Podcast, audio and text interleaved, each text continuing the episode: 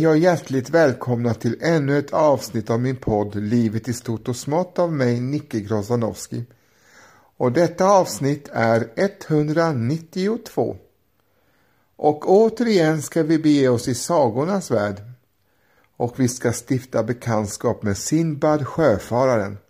För det finns nämligen en skattkista på havets botten, eller högst upp på ett berg, jag minns inte riktigt. Den kistan är full med sagor, berättelser, äventyr och historier. Och en av historierna handlar om Sinbad sjöfararen och den låter så här. Sinbad växte upp i ett av de rikaste familjerna i Bagdad. De ägde flera hus med stora trädgårdar och lille Sinbad gick alltid klädd i vackra kläder. Ingen skällde på honom om han råkade få en reva i sin pärlbroderade kaftan när han klättrade i träd eller om han ramlade ner och smutsade ner sina sidenbyxor. När Sinbad blev tonåring fick han ärva hela förmögenheten. Han fortsatte att leva ett liv i lyx men märkte snart att hans rikedomar sinade mer och mer. Efter ett efter ett blev han tvungen att göra sig av med de vackra husen och familjens skattkammare ekade allt tommare. När det bara återstod ett hus och en enda kista med guld satte sig Sinbad ner och funderade på hur han skulle kunna tjäna mer pengar. Han bestämde sig sen för att bli handelsman. Med sina sista slantar köpte han varor som man kunde sälja utomlands och så gick han ombord på ett skepp.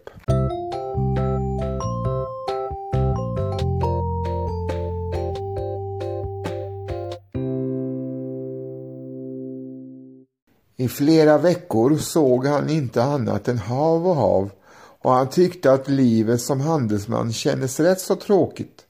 Men så en dag kom skeppet fram till en ö. På ön växte träd som dignade av frukt ända ner till vattenbrynet. Kaptenen la till och alla ombord fick sträcka på benen. Några fyllde på matförrådet ombord medan andra passade på att tvätta sina kläder eller gjorde upp en eld på stranden för att laga mat. Sinban tog en promenad inåt landet. Bland träden satt tjattrande papegojor och på marken växte väldoftande orkidéer. Vilket paradis! suckade han. Men vad var det? Plötsligt skakade hela ön. Genom skogen hörde Sinbad kaptenen ropa att alla måste ombord. Sinbad sprang mot skeppet, men marken skakade så att han gång på gång föll omkull. Ön var ingen ö, utan en stor val som legat och sovit så länge i vattnet att en hel skog vuxit upp på dess rygg. Men när besökarna gjorde upp eld vaknade valen. Skeppet seglade snabbt iväg från djuret men utan Sinbad ombord. Han låg ute i vattnet bland allt bråte som valen skakat av sig och undrade om han skulle överleva äventyret. Efter två dagar spolade vågorna upp Sinbad på en annan strand. Där bodde han i flera månader tills han äntligen siktade ett skepp ute till havs. Sinbad ropade och vinkade och hoppade upp och ner på stranden. Lyckligtvis såg kaptenen Sinbad och det visade sig vara samma skepp som han påbörjat sin resa ombord på. I lastrummet låg varorna han haft med sig kvar. Sinban tackade sin gud och snart fick han sålt sina varor och kunde återvända till Bagdad som en rik man.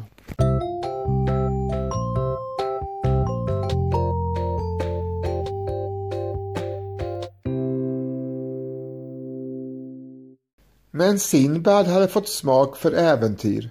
Han köpte nya varor och begav sig ut på sin andra resa.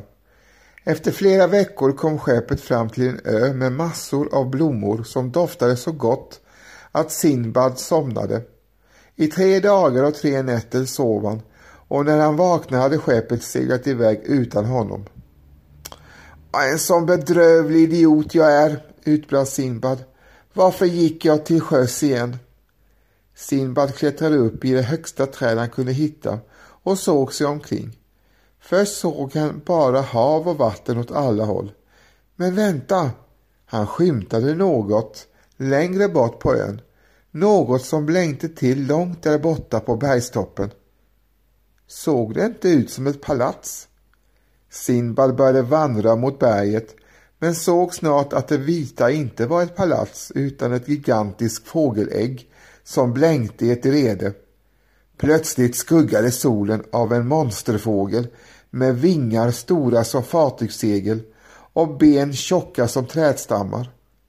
Sinbad hade en gång hört talas om monsterfågeln Roch som matade sina ungar med elefanter. Detta måste vara Roch.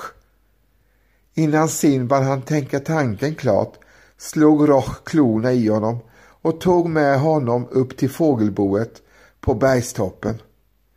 Berget var för brant för att han skulle kunna klättra ner och så snart ägget kläcktes skulle han bli fågelmat. Plötsligt hördes ett oväsen. Cymbaler, horn, tutor och bjällror ekade mellan bergsväggarna och en stor skara diamantsamlare närmade sig dalen. De visste att om de bara skrämde ormarna på flykten kunde de ta vad de ville ha. Ormarna skingrade snabbt och Sinbad tackade både sin gud och de högljudda diamantsamlarna. Han passade också på att fylla sina fickor med gnistrande stenar innan han lät samlarna visa honom vägen till närmaste hamn. Snart var han ombord på en båt till Bagdad.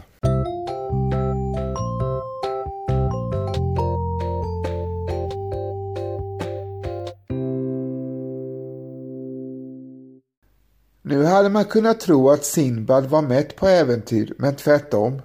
Sinbad gav sig snart iväg på en tredje resa. En resa som var otursdrabbad redan från start. Den här gången drevs skeppet nästan omedelbart ur kurs av ett oväder. Ve och fasa! skrek kaptenen för att överrösta vinden. Vi driver mot den fruktade apön! I samma ögonblick gick skeppet på grund och snart myllrade av apor ombord. Aporna kastade hela besättningen i vattnet och seglade sedan iväg med skeppet och människorna hade inget annat val än att söka skydd på ön.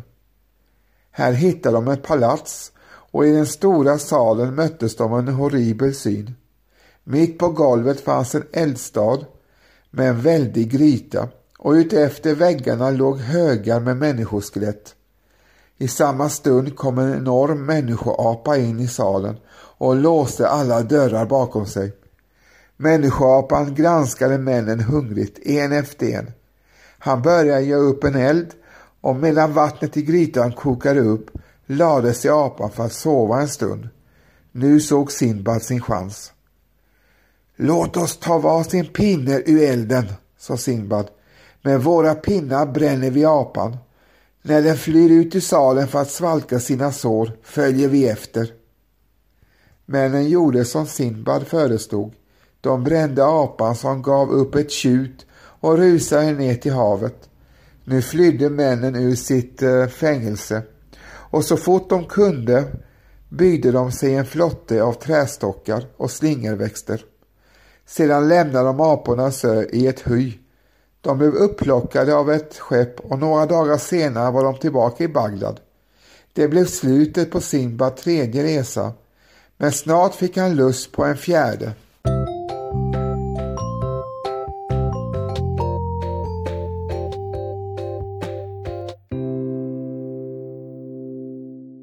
Sinbads fjärde resa gick bra till en början. Han besökte hamn efter hamn där han gjorde framgångsrika affärer. Men så plötsligt råkade skeppet ut för ännu en storm och Sinbad sveptes över bord tillsammans med några sjömän. Så småningom kastade de sig upp på en strand av vågorna och snart var de omringade av ett folk i färgglada dräkter som förde besökarna till sin kung. Till deras lättnad välkomnade kungen dem med ett uppdukat bord fullt av de läckraste maträtterna.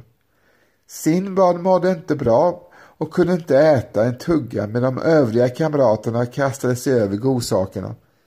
Det underliga var att ju mer de åt desto hungrigare blev de. Snart buktade deras magar ut som pumpor. Sinbad förstod att hans brist på matlust hade räddat livet på honom de måste ha hamnat hos kannibaler som ville äta upp dem. När kvällen kom var Simbads kamrater så mätta och tjocka att de föll i sömn. Sinbad låtsades att han också somnade, men så snart mörkret sänkt sig över lägret smög han sig ut ur lägret och flydde. I sju dagar irrade han genom djungeln innan han hittade ner till havet och blev upplockad av ett skepp som förde honom tillbaka till Bagdad. Sinbads fjärde resa var därmed till ända.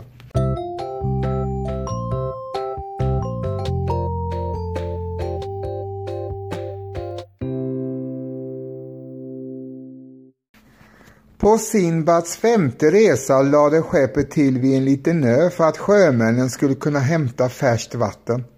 Sinbad stannade ombord, den här gången vill han inte bli akterseglad. När sjömännen återvände berättade de glatt att de hade kastat sten på ett och krossat ett gigantiskt ägg på stranden. Sinban blev blek av skräck. Ägget måste vara ett av Roch ägg. Föräldrarna skulle helt säkert vilja hämnas. Och så blev det också. Båten hade knappt kommit ut till havs innan två enorma fåglar förmörknade himlen. Fåglarna bar stora stenbumlingar i sina klor och dessa släppte de på båten. Svosh! Den första for rakt in i seglet. Krasch! Den andra gjorde ett stort hål i skrovet. Båten sjönk direkt och Simbad klamrade sig fast vid en planka. Så låg han sedan i flera dagar innan han spolades i land. Det var ett vackert och frodigt land med prunkande blommor, fågelsång och surrande bin. Invid en liten bäck satt en man, så gammal att han var alldeles skrynklig och ihopsjunken. Var hälsad, sade Sinibad. Mannen nickade och med gester lät han Simba förstå att han önskade bli buren över bäcken. Simbad ville vara snäll och lyfte upp den gamle mannen på sin rygg. Men vad var detta? Mannen vägrade släppa taget och han var stark som få. Så fort Sinbad försökte göra sig av med sin börda klämde mannen åt med sina ben runt Sinbads midja. Han hade inte en chans att bli fri. Tiden gick och Sinbad bar runt på den gamle mannen. En dag hittade han druvor som han ställde på jäsning i solen. Det dröjde inte länge innan druvorna blivit vin. Sinbad bjöd den gamle på sin rygg, som drack girigt och snart var han så full att han trillade av Sinbads rygg och somnade i gräset. Sinbad skyndade sig därifrån och hittade en båt som tog honom till närmaste stad. Men han hade inte råd att betala för biljetten hem till Bagdad. Han blev sittande på en sten i hamnen. Vad kan väl du ha för sorger? sa en sjöman som kom vandrandes förbi. Ack, svarade Sinbad, jag har varken råd att betala för mat och dryck eller pengar nog att ta mig hem till Bagdad igen. Men sjömannen visste på råd. Ta med dig en säck full med småsten och bege dig till dalen utanför staden. Där kastar du dina stenar på aporna som sitter i palmerna. Så ska du se att dina problem löser sig. Sinbad gjorde som sjömannen sa. När han hade kastat sina stenar på aporna svarade aporna genom att kasta kokosnötter tillbaka. Simbad fyllde sin säck med nötterna och sålde dem på torget i staden. Snart hade han tillräckligt med pengar för att kunna betala för biljetten hem.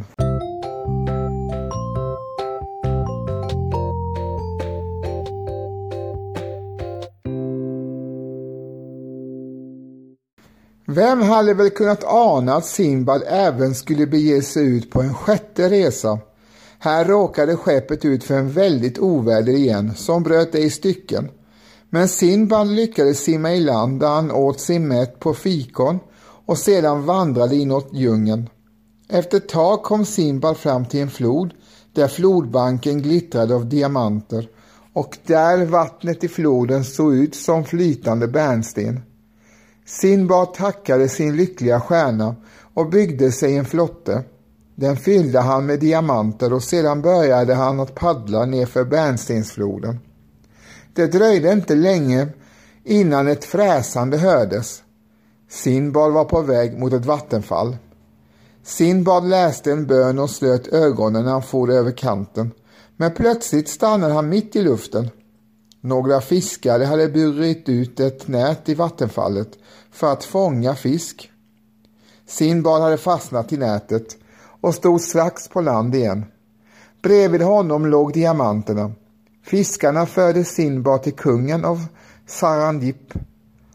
Åh, jag som hade ändå tänkt skicka en gåva till kalifen i Bagdad. Då kan du ju ta med dig den tillbaka när du reser hem, sa kungen. En vecka senare var det dags för avfärd. Kungens gåva till kalifen var en rubinvas full med pärlor. Sinbad lovade att föra gåvan säkert till Bagdad och det gjorde han också. Nu var han minsann mätt på äventyr, sa han till sig själv. Nu skulle han inte bege sig ut på fler resor.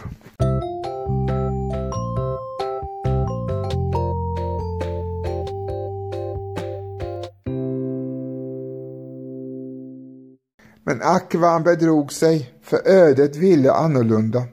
Även kalifen i Bagdad ville skicka en gåva till kungen av Salandip och han övertalade Sinbad att göra en sjunde resa. Sinbad överlämnade gåvan och på vägen hem överfölls skeppet av ett sjöodjur som svalde halva skeppet i en enda tugga. Sinbad undgick monstrets käftar med en hårsmån och klamrade sig fast vid en planka i dagar innan han flöt i land vid en liten by.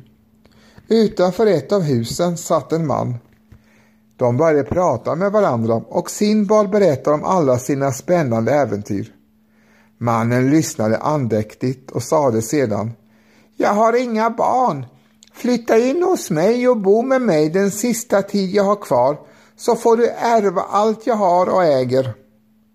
Det kunde Sinbad inte säga nej till. Han kom bra överens med den gamle mannen men när han dog efter ett år ville Sinbad hem till Bagdad igen. Han beslöt sig för att ta landvägen och det dröjde inte många dagar innan han skymtade den vackra staden vid horisonten. 27 år hade gått sedan Sinbad gavs ut på sin första resa.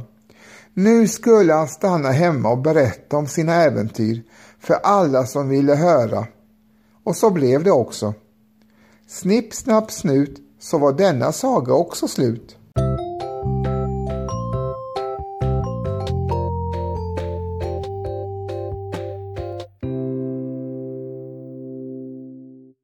Den andra sagan jag ska läsa för er i det här avsnittet heter Rapunzel och den går så här. Det var en gång en man och en kvinna som innerligt önskade sig ett litet barn. Varje morgon pratade de om hur underbart det hade varit om de haft ett barn som hade kunnat sitta med dem vid frukostbordet. Varje kväll när de gick till säng sa de alltid till varandra. Tänk ändå om vi haft ett litet barn att kunna läsa en vacker godnattsaga för. Lyckligt nog verkade det som om deras önskan snart skulle gå i uppfyllelse. Mannen och kvinnan bodde i ett hus i utkant av en stor stad och bakom huset låg ett underbart vacker trädgård. När paret öppnade sitt sovrumsfönster fylldes hela rummet av den ljuvligaste blomsterdoften. Men ingen av dem vågade någonsin gå ner i trädgården för den tillhörde en häxa som alla var rädda för. En dag stod kvinnan i sovrumsfönstret och tittade ner mot den frodiga trädgården. Där växte blommor i alla möjliga färger och bin och fjärilar flög från blomma till blomma. Och så fanns där en liten köksträdgård med tomater, rädisor och annat ätbart. När kvinnan stod och tittade ner på allt det där goda i köksträdgården fick hon plötsligt se att det växte rapunzelsallad i ett land. Den såg så krispig och grön ut att det riktigt vattnades i munnen på henne. Dag efter dag stod hon vid sitt fönster och längtade efter att få smaka på de små gröna bladen. Men hon visste att hon absolut inte fick gå ner i trädgården. Hennes längtan var så stark att det skrek i bröstet och kvinnan blev allt svagare och blekare för varje dag som gick. Längtan efter salladen fick henne att tyna bort. Hennes man blev alldeles förskräckt. Hur är det med dig min älskade hustru? frågade han. Åh, svarade hon. Jag tror att jag kommer att dö om jag inte får ett litet rapunzelsallad från trädgården bakom huset. Jag kan inte sluta längta efter det där salladen. Mannen blev förfärad av hennes önskan. Han visste hur farligt det var att vistas i trädgården. Men han såg också hur hans fru blev allt blekare och blekare och till slut bestämde han sig för att göra något åt det. Ja, kosta vad det kosta vill, sa han till sig själv. Jag måste hämta lite av den där salladen. Mannen klättrade över muren som omgärdade trädgården i skymningen. Han plockade en näve salladsblad från häxans köksträdgård. Sedan skyndade han sig därifrån så snabbt det bara gick. Hans fru lade genast de gröna bladen i en salladsskål och sedan åt hon hungrigt upp alltsammans. Det var de godaste salladen hon någonsin hade ätit. Men nästa morgon var hennes längtan efter sallad tre gånger så stark. För att stilla hennes begär klättrade mannen på nytt in i trädgården. Han böjde sig över trädgårdslandet för att börja plocka och när han tittade upp stod plötsligt häxan framför honom. Tjuv! skrek hon. Hur vågar du gå in i min trädgård och stjäla min sallad? För, förlåt, stammade mannen och föll på knä framför häxan. Min fru blev sjuk av längtan efter din sallad. Jag tog bara lite för att göra henne frisk igen. Häxan lugnade ner sig en aning. Jaha, jaha, knarrade hon.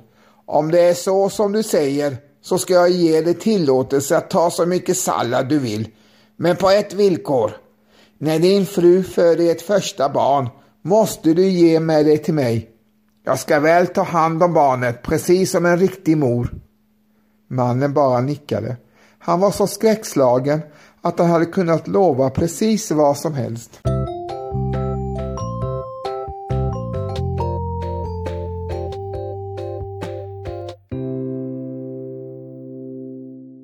Några månader senare födde kvinnan en dotter och häxan var genast där och hämtade det lilla barnet. Hon döpte barnet till Rapunzel. När Rapunzel växte upp var hon det vackraste barnet under solen. Samma dag som hon fyllde tolv år tog häxan med sig henne till ett högt torn djupt inne i skogen. Så snart Rapunzel klättrat upp i tornet försvann dörren och trappan. Nu var den enda vägen in och ut ur tornet genom fönstret i hennes rum. Här fick Rapunzel bo och när häxan kom på besök ställde hon sig nedanför fönstret och ropade Rapunzel, Rapunzel, här är jag står. Släpp ut nu ditt långa, långa hår. Rapunzel hade ett fantastiskt hår. Det glänste som finaste guld och var så långt att det räckte ända ner till marken. Varje gång Rapunzel hörde häxan ropa fäste hon håret runt fönsterhaken och släppte ner det så att häxan kunde använda det som ett rep och klättra upp.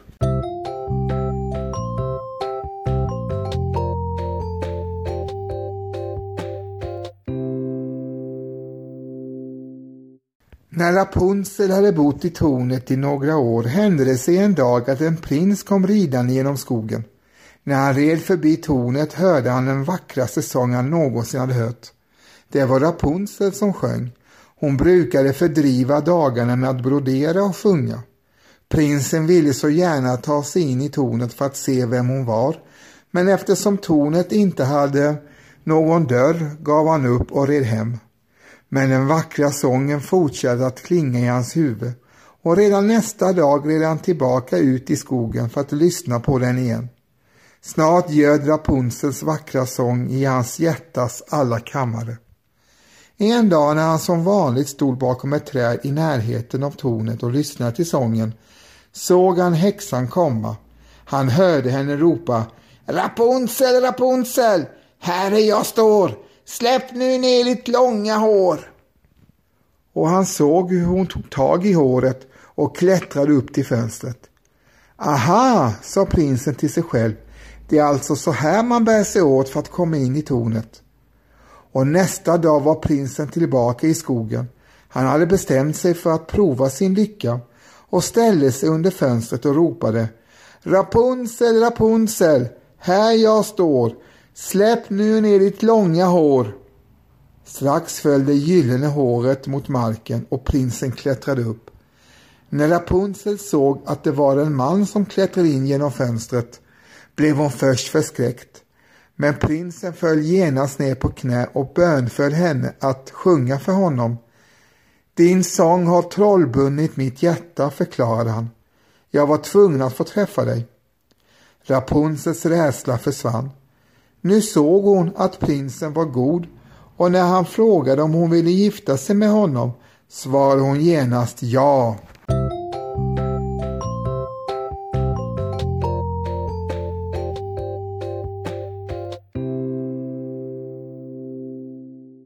Prinsen fortsatte att besöka Rapunzel.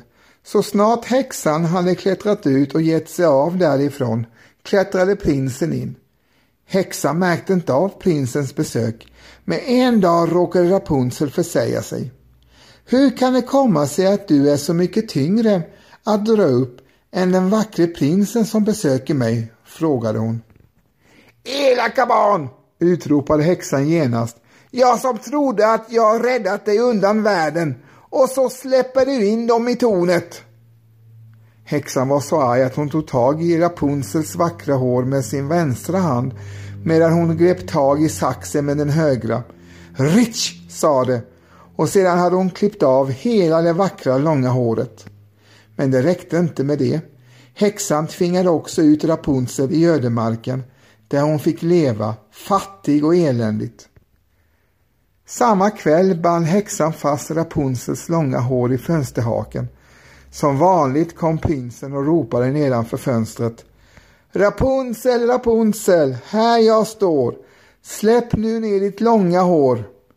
Häxan kastade ner Rapunzels hårflätor och prinsen klättrade upp. Men istället för sin älskade Rapunzel möttes han av häxan som stod där med en vredgad blick. Aha, skrek hon. Det är alltså du som ville ta min Rapunzel ifrån mig. Men fågeln sitter inte längre i buren och sjunger. Katten har tagit henne och hon kommer att klösa ögonen ur dig också. Du kommer aldrig mer få se Rapunzel. Prinsen backade förskräckt undan häxan och det ville sig inte bättre än att han snavade och föll baklänges ut genom fönstret. Han landade rakt i en törnrosbuske och två elaka taggar stack ut hans ögon.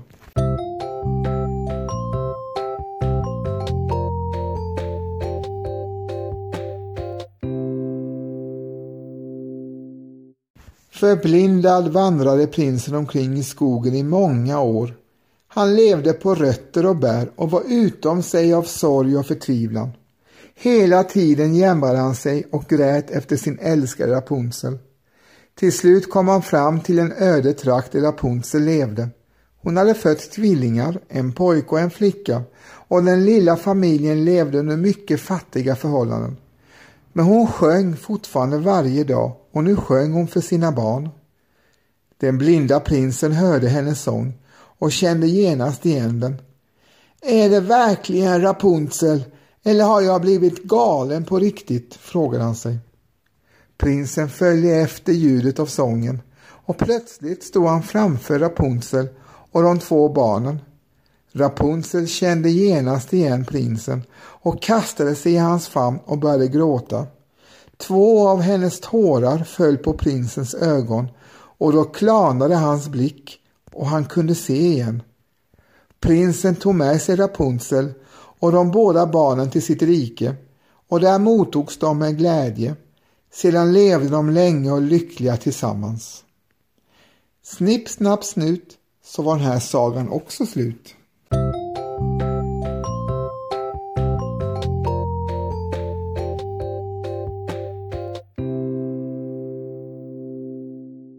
Ja, då har ni alltså fått höra två sagor i ett avsnitt, nämligen Sinbad sjöfararen och Rapunzel.